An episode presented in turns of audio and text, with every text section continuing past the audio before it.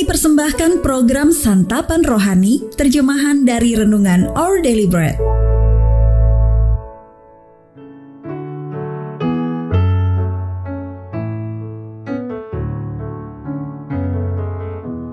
Sahabat ODB, pembacaan Alkitab hari ini terambil dari kejadian pasal yang pertama ayat yang ke-20 sampai dengan ayat yang ke-21, lalu dilanjutkan dengan ayat yang ke-24 sampai dengan ayat yang ke-28. Kejadian pasal yang pertama, ayat yang ke-20 sampai dengan ayat yang ke-21, lalu dilanjutkan dengan ayat yang ke-24 sampai dengan ayat yang ke-28. Berfirmanlah Allah, hendaklah dalam air berkeriapan makhluk yang hidup, dan hendaklah burung beterbangan di atas bumi melintasi cakrawala. Maka Allah menciptakan binatang-binatang laut yang besar dan segala jenis makhluk hidup yang bergerak, yang berkeriapan dalam air, dan segala jenis burung yang bersayap. Allah melihat bahwa semuanya itu baik.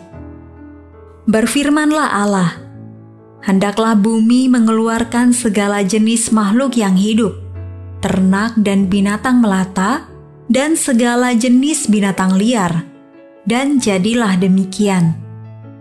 Allah menjadikan segala jenis binatang liar dan segala jenis ternak dan segala jenis binatang melata di muka bumi. Allah melihat bahwa semuanya itu baik. Berfirmanlah Allah, baiklah kita menjadikan manusia menurut gambar dan rupa kita, supaya mereka berkuasa atas ikan-ikan di laut dan burung-burung di udara, dan atas ternak, dan atas seluruh bumi, dan atas segala binatang melata yang merayap di bumi. Maka Allah menciptakan manusia itu menurut gambarnya. Menurut gambar Allah, diciptakannya dia laki-laki dan perempuan diciptakannya mereka. Allah memberkati mereka, lalu Allah berfirman kepada mereka, "Beranak cuculah dan bertambah banyak, penuhilah bumi dan taklukkanlah itu. Berkuasalah atas ikan-ikan di laut dan burung-burung di udara, dan atas segala binatang yang merayap di bumi." Ayat emas renungan hari ini terambil dari kejadian pasal yang pertama ayat yang ke-28. Berkuasalah atas ikan-ikan di laut dan burung-burung di udara dan atas segala binatang yang merayap di bumi. Renungan hari ini berjudul Tanggung Jawab sebagai Pengelola ditulis oleh Soxil Dixon.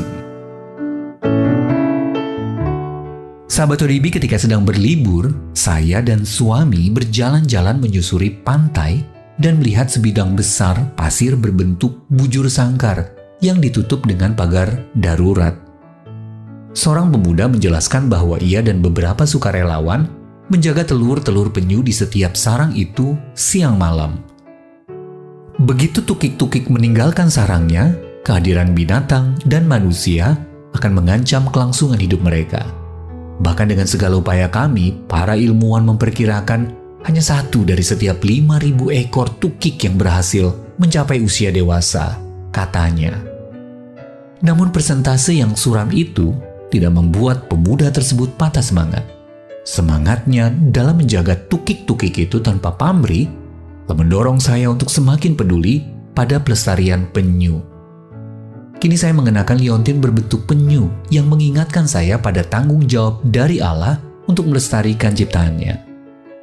Ketika menciptakan dunia ini, Allah menyediakan habitat agar setiap makhluk dapat hidup dan berkembang. Kejadian pasal yang pertama ayat yang ke-20 sampai dengan ayat yang ke-25.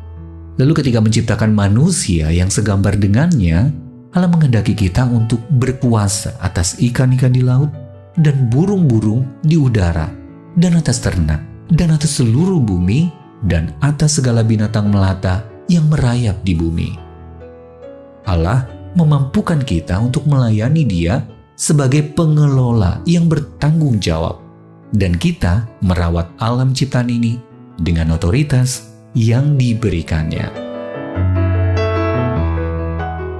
Sahabat ODB dengan cara apa saja Anda dapat merawat alam ciptaan Allah.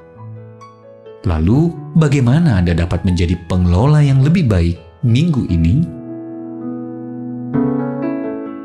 Pencipta dan penopang kami yang penuh kasih, tunjukkanlah bagaimana aku dapat memenuhi tanggung jawabku untuk mengelola ciptaanmu dan dapat menginspirasi orang lain untuk ikut merawat dunia yang telah kau percayakan kepada kami.